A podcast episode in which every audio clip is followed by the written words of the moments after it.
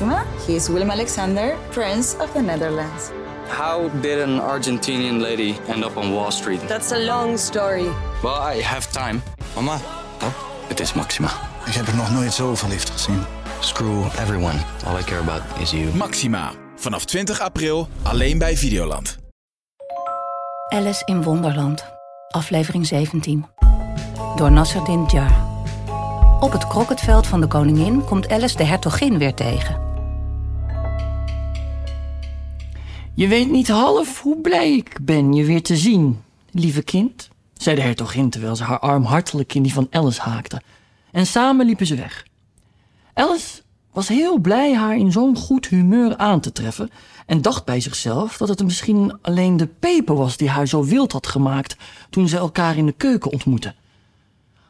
Als ik hertogin word, zei ze tegen zichzelf, zei het op een niet erg hoopvolle toon, wil ik helemaal geen peper in mijn keuken.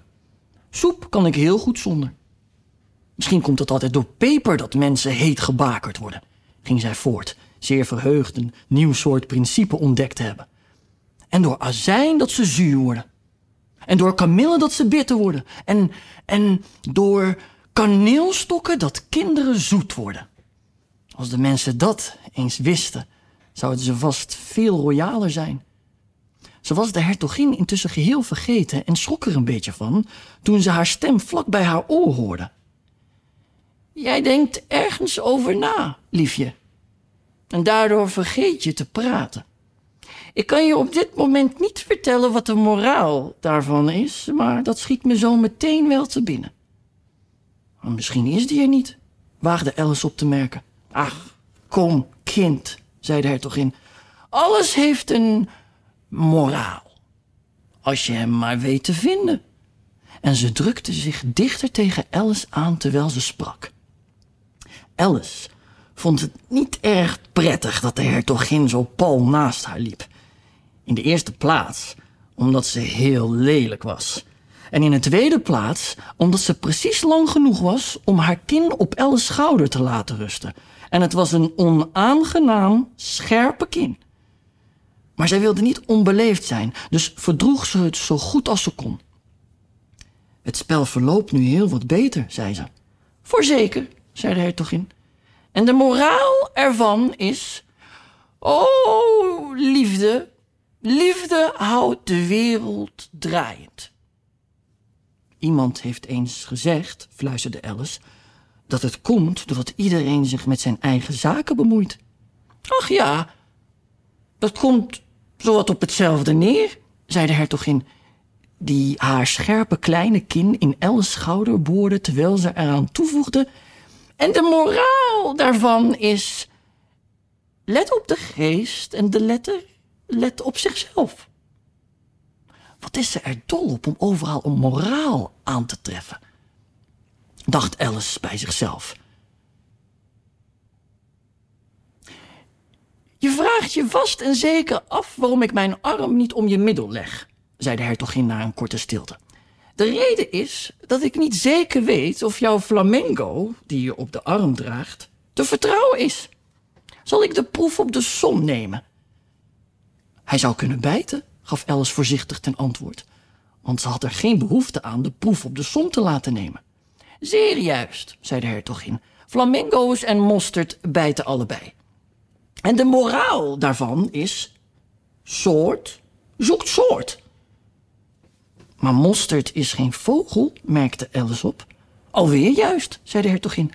Wat kun jij je toch duidelijk zeggen? Het is een mineraal, geloof ik, zei Alice. Natuurlijk, zei de hertogin, die bereid scheen om in te stemmen met alles wat Alice zei. Er is een grote mosterdmijn hier in de buurt. En de moraal daarvan is: hoe meer mijn, hoe minder dijn. Nu weet ik het weer, riep Alice, die niet op deze laatste opmerking had gelet. Het is een plant. Het ziet er niet zo uit. Maar is het wel? Ik ben het volkomen met je eens, zei de hertogin. En de moraal daarvan is... Wees wat je wilt lijken. Of, als je het simpeler geformuleerd wilt zien... Stel je nooit voor dat je niet anders bent dan het andere zou kunnen lijken... dan wat je was of had kunnen zijn niet anders was dan wat je geweest was, hun anders zouden hebben geleken. Ik geloof dat ik dit beter zou begrijpen, zei Alice heel beleefd, als ik het op schrift had. Maar zoals u het zegt, kan ik het niet helemaal volgen. Het is niets vergeleken bij wat ik zou kunnen zeggen als ik dat wilde, zei de hertogin vergenoegd.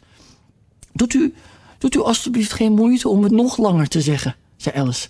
Oh, helemaal geen moeite hoor, zei de hertogin. Ik doe je alles wat ik gezegd heb, cadeau. Een goedkoop soort cadeau, dacht Alice. Ik ben blij dat niemand zulke verjaardagscadeaus geeft. Maar ze waagde het niet het hardop te zeggen. Weer aan het denken? Vroeg de hertogin terwijl ze haar scherpe kleine kin opnieuw in Alice's schouder boorde. Ik heb toch het recht om te denken, zei Alice scherp, want zij begon zich nogal opgelaten te voelen. Net zoveel recht, zei de hertogin, als varkens hebben om te vliegen. En de mora. Maar hier stierf de stem van de hertogin tot Alice's grote verrassing weg. Nog wel midden in haar geliefde woord moraal. En de arm die in de haren gestoken was, begon te trillen. Alice keek op en daar stond de koningin, vlak voor hen, met haar armen over elkaar. Dreigend, als een onweersbui. Mooi weer vandaag, majesteit, begon de hertogin met hele hoge stem. Nu waarschuw ik jou voor de laatste keer, riep de koningin, op de grond stampend terwijl ze sprak. Van het veld af of je hoofd eraf. En wel tweemaal zo vlug als meteen. Het is kiezen of delen. De hertogin koos en was in een oogwenk verdwenen. Laten we doorspelen, zei de koningin tot Alice. Alice, veel te bang om een woord te kunnen uitbrengen, liep langzaam achter haar aan naar het krokketveld. De andere gasten hadden de afwezigheid van de koningin benut en rustten uit in de schaduw. Maar zodra ze haar zagen, haastten ze zich terug naar het spel. De koningin liet het bij de opmerking dat één ogenblik van uitstel hun het leven zou kosten. Terwijl ze speelden, bleef de koningin aan één stuk door ruzie maken met de andere spelers en roepen: Zijn hoofd eraf! Of haar hoofd eraf! Degene die zij veroordeelden werden in hechtenis genomen door de soldaten, die dan natuurlijk geen poortje meer konden zijn, zodat er een half uurtje later geen poortjes meer waren en alle spelers op de koning, de koningin en Alice na in hechtenis zaten en hun terechtstelling afwachten. Toen hield de koningin ermee op, geheel buiten adem, en zei tegen Alice: Heb jij de nep schildpad al gezien? Nee, zei Alice, ik, ik weet niet eens wat een nepschildpad is. Dat is een beest waarvan nepschildpadsoep wordt gemaakt, zei de koningin. Ik, ik, ik heb er nog nooit een gezien en ook nog nooit van gehoord, zei Alice. Kom op, zeg, zei de koningin. Dan vertelt hij jou zijn geschiedenis. Terwijl ze samen wegliepen, hoorde Alice de koning zachtjes tegen het hele gezelschap zeggen... Ik verleen jullie allemaal gratie. Kijk eens aan. Dat is een hele opluchting, zei Alice bij zichzelf, want ze had zich hoogst ongelukkig gevoeld bij het grote aantal doodvonnissen dat de koningin had uitgesproken. De volgende aflevering wordt gelezen door Ilke Paddenburg. Alice in Wonderland is een podcast van Internationaal Theater Amsterdam, Het Parool en Stepping Stone Producties. Vertaling Nicolaas Matsier, uitgeverij Meulenhof Boekerij.